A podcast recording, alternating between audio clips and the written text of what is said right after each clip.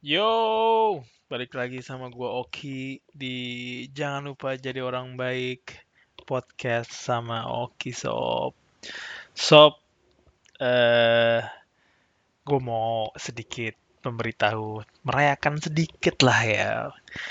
Gua apa namanya baru ngecek eh, di anchor gua di platform eh, podcast gua yang di mana gue sudah melewati eh, batasan 100 plays. Berarti udah ada eh, ada di sini ada 16 orang yang memainkan eh, seluruh podcast gue dengan sekarang total udah 8 episode. Ini yang gue record adalah episode ke-9 dan itu ada 124 kali.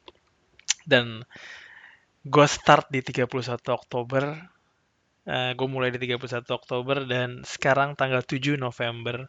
Dan dalam kurun waktu 8 hari katakanlah ya 7-8 hari gue udah mendapatkan uh, udah ada yang memainkan 124 kali dari semua episode podcast gue dan gue mau terima kasih banyak atas dukungannya. Dan ini adalah orang-orang yang gue kenal orang-orang yang gue sebarin. Uh, mungkin mereka mendengarkan juga yang kayak oh ya udahlah si Oki yang ngomong gue pengen tahu dia ngomong apa. Atau mungkin ada orang yang kena apa dengan apa yang gue omongin ada yang sejalan dengan apa yang gue omongin. Bahkan apa sudah tersentuh dengan apa yang gue omongkan dan istri gue omongkan. Gue mau berterima kasih banyak atas dukungan kalian. Dan gue akan gue janji dalam artian gue janji sama diri gue sendiri dan juga kalian gue nggak akan stop mem memberikan konten-konten ini seperti layaknya ya gue membantu apa membantu masyarakat netizen Jakarta atau Indonesia atau masyarakat Indonesia di sana yang di luar negeri, para pemuda-pemudi Indonesia yang lagi kuliah di luar, orang-orang Indonesia yang kerja di luar, yang lagi liburan mungkin,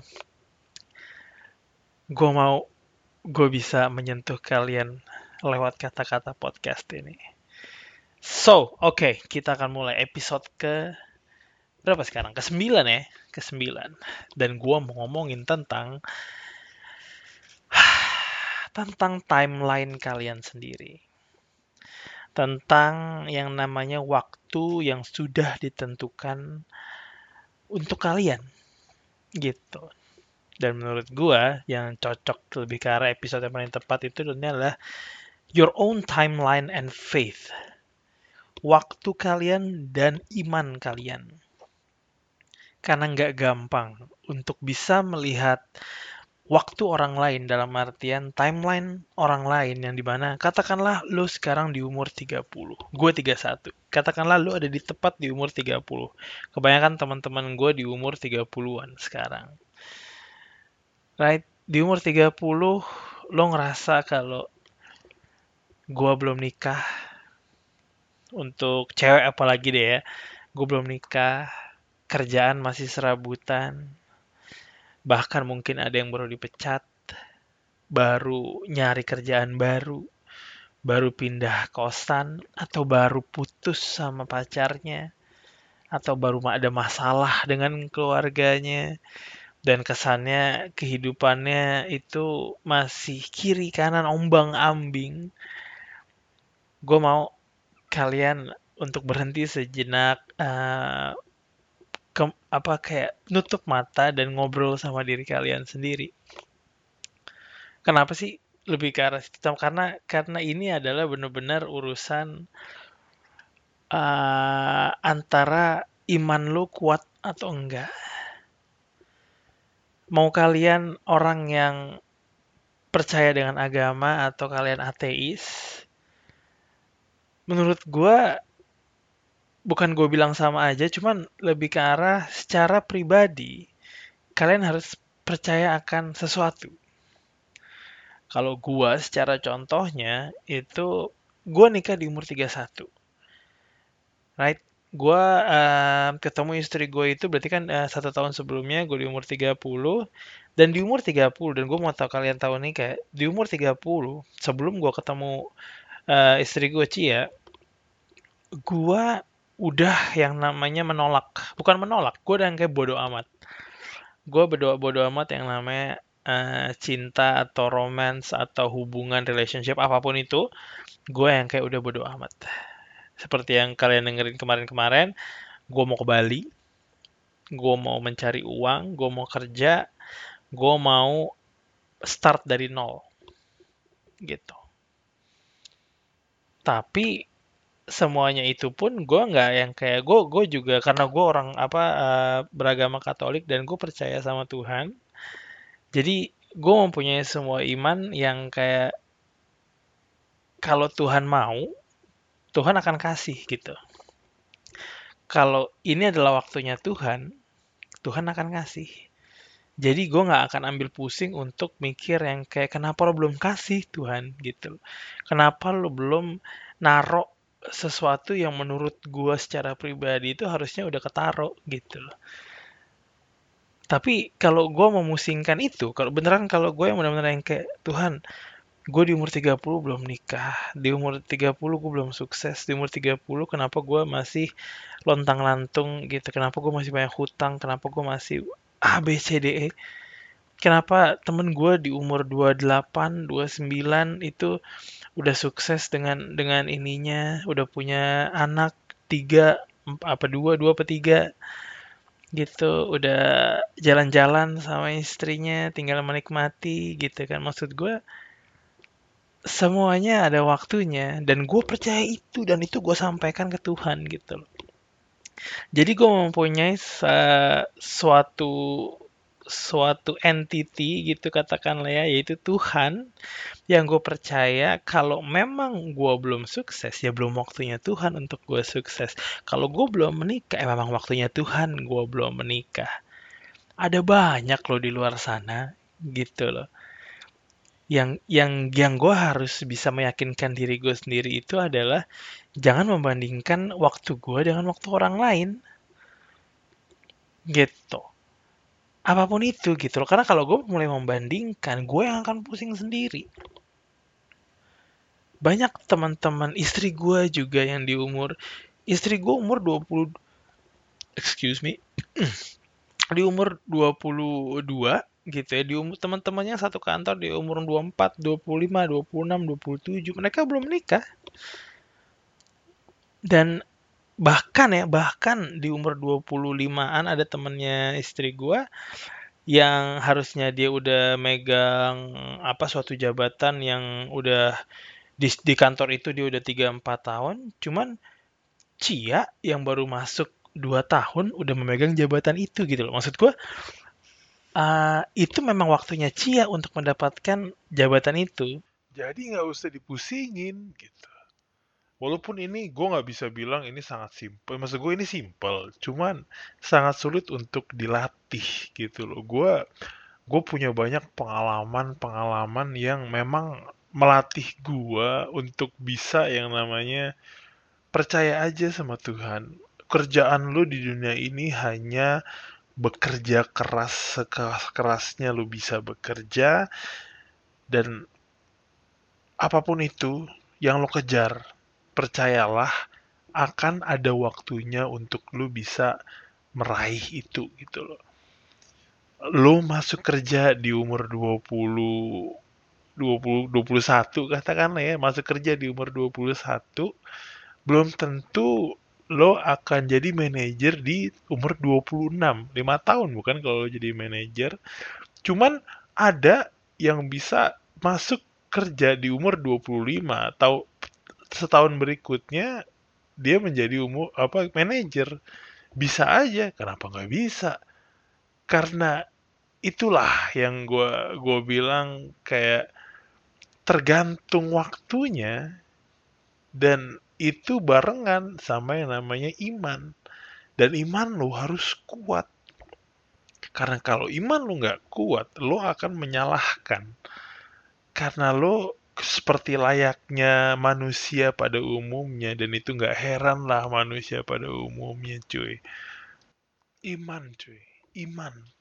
Karena itu yang bikin lo tetap kuat untuk maju ke depan. Sebuah kepercayaan sebuah pegangan yang yang akan menemani lo terus. Kalau lo gagal itu akan tetap terus yang namanya nggak akan membiarkan lo itu jatuh gitu loh.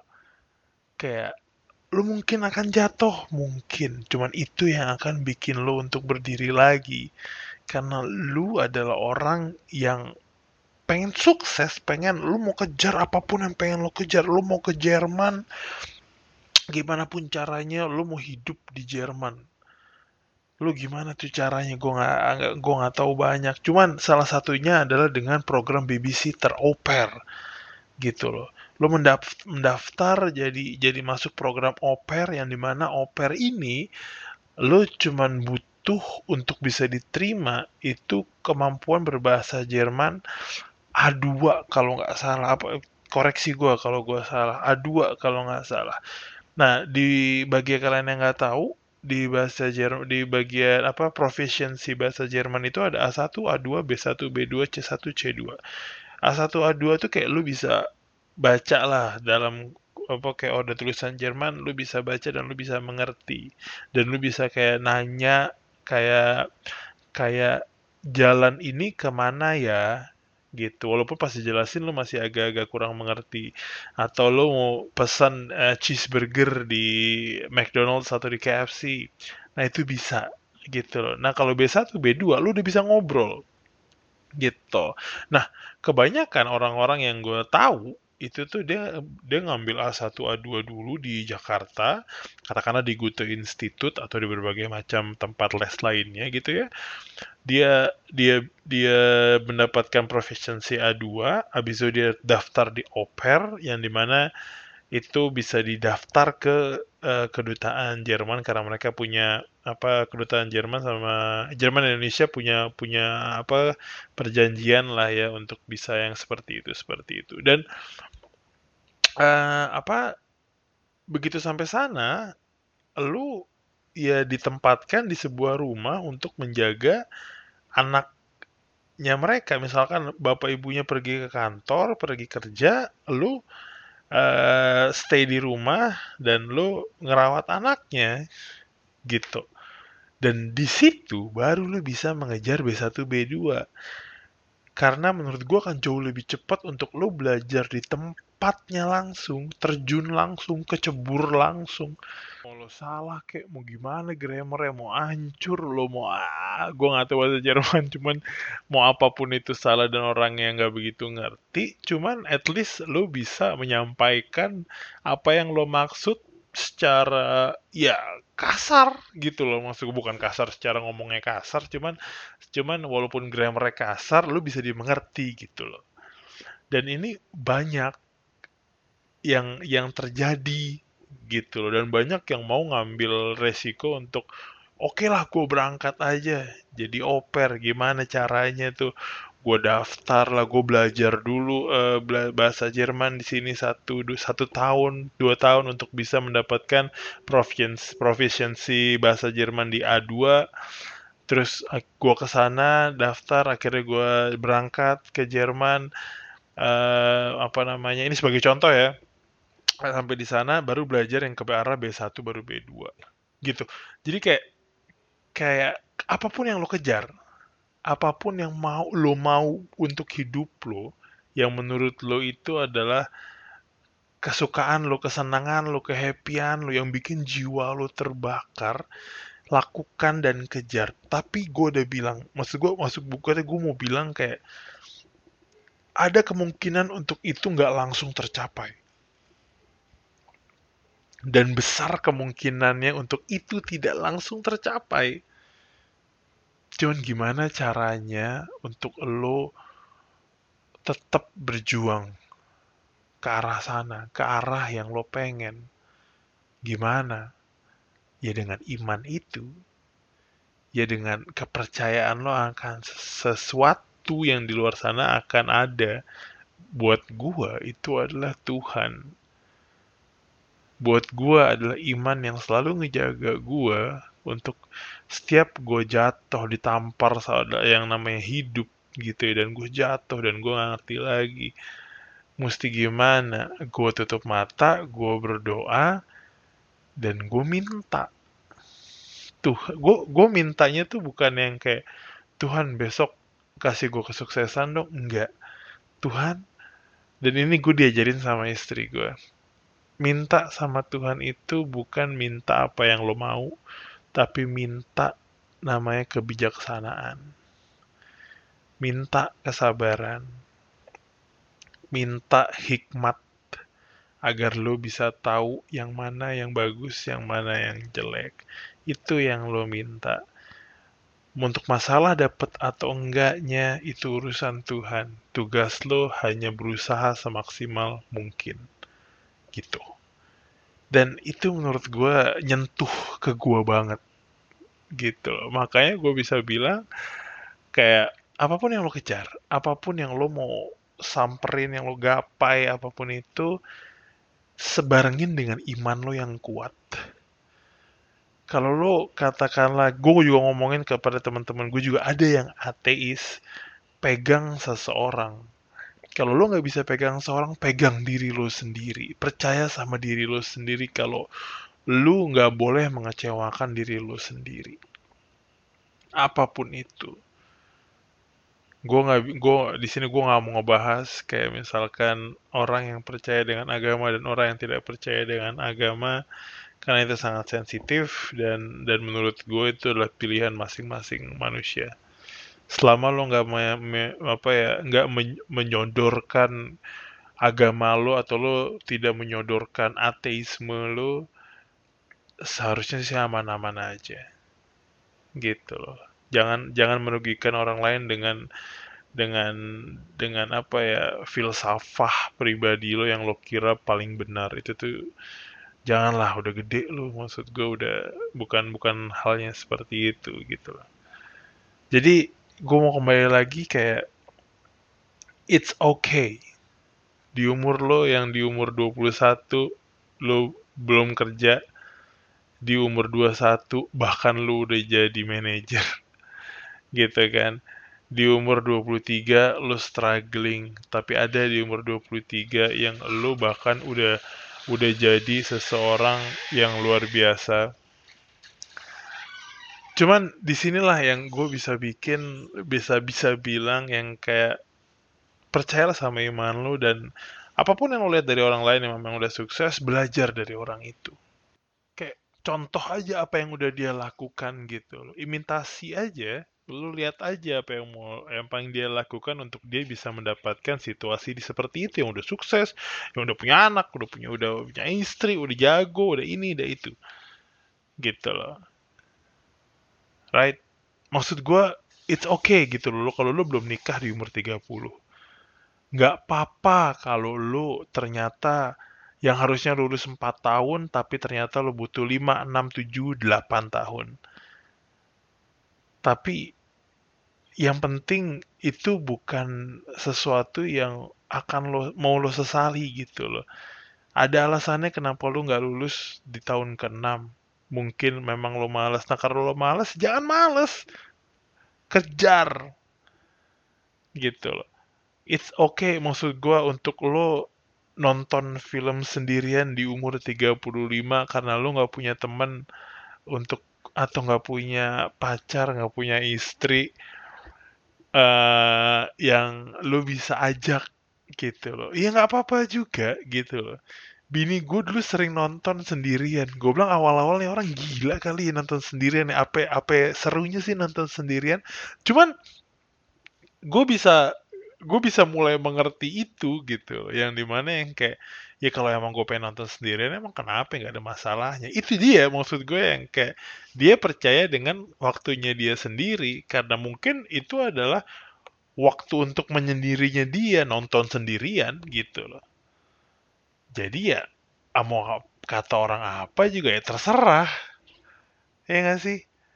Dan dan untuk bahagia menurut diri lo sendiri menurut apa yang udah lo apa ya atur itu tuh sangat penting gitu lo. Bahagia dengan maksud dan tujuan lo sendiri.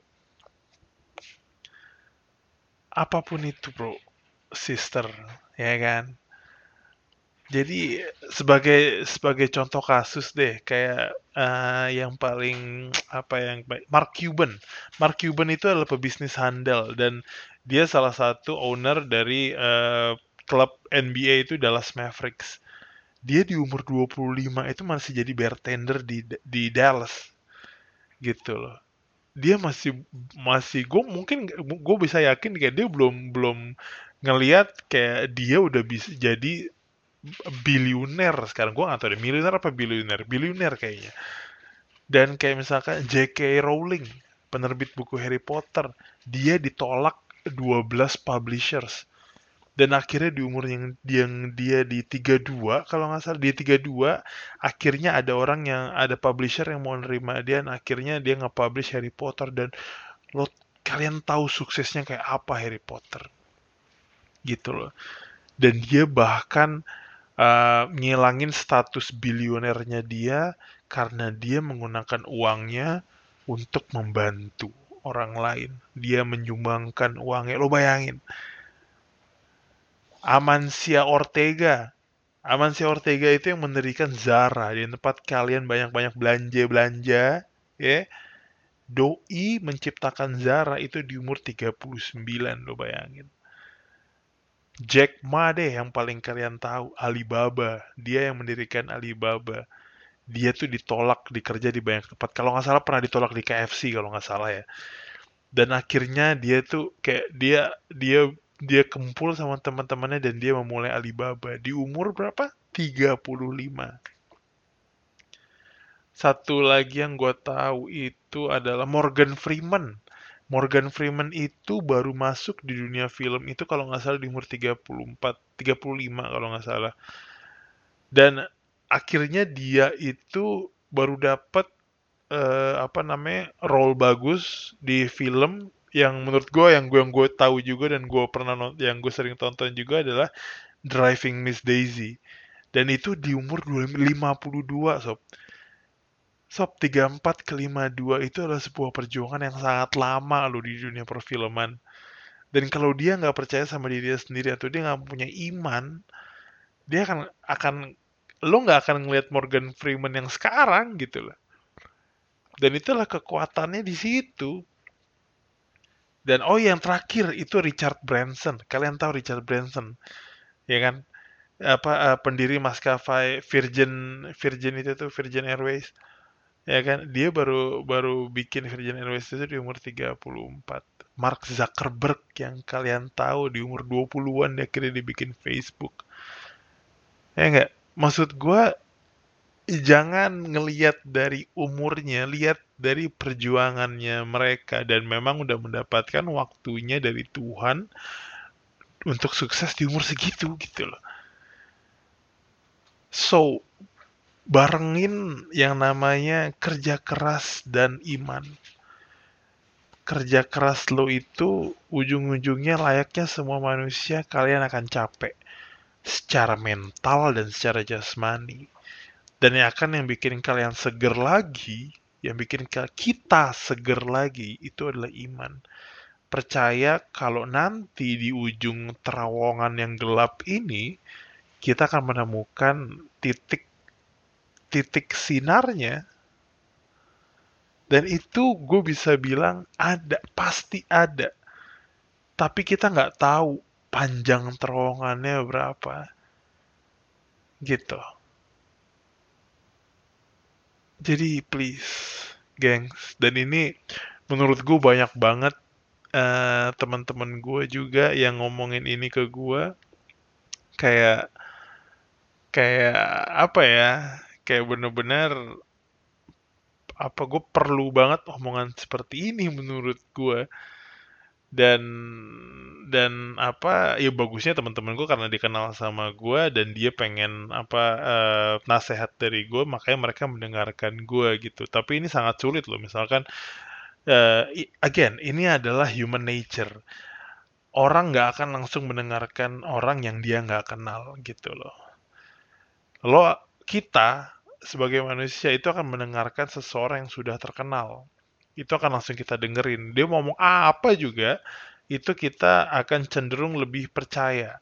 kalau dia sudah terkenal. Atta Halilintar, katakanlah Atta Halilintar itu bisa dibilang secara positifnya dia bergerak dari kalau nggak salah ya ini gue waktu itu gue pernah pernah lihat YouTube-nya apa apa baca di mana gitu kayak dia pun dari dari dari nol gitu loh dan akhirnya dia mempunyai sebuah apa namanya sebuah brand. Brand personal brandnya dia branding dirinya sendiri untuk jadi seorang Hatta Halilintar yang kalian kenal yang kita kenal gitu loh dengan asyapnya gitu loh. Dan dia berjualan baju pun dia jualan baju karena dia udah terkenal dia jualan baju apa pun orang-orang akan beli. Dan mereka sangat bangga dengan ahanya gitu loh dan itulah hal yang positif yang bisa gue ambil dari Atta Halilintar untuk saat untuk kalau dibilang konten. Menurut gue konten dia hanya untuk tertawa gitu dan gak ada salahnya untuk bikin orang tertawa. Gitu loh. Konten gue adalah konten yang gue mau konten gue ini bisa bisa menjadikan hidup orang lain lebih bagus daripada yang sebelumnya dan gue nggak pernah akan bilang kayak konten gue lebih bagus daripada kontennya Atta. No no no. Kak Atta Halilintar punya punya yang namanya niche-nya sendiri punya punya tempatnya sendiri gue punya tempatnya sendiri. Gitu loh. Dan gue yakin gue akan tembus juga. Gue akan kena juga. Gue akan yang namanya akhirnya gue ada di sebuah uh, tempat yang di mana gue bisa menyentuh banyak orang lain dengan kata-kata ini gitu loh. Dan itu gue percaya luar biasa karena gue percaya Tuhan naruh gue di dunia ini untuk bisa melakukan itu, untuk bisa membantu banyak orang.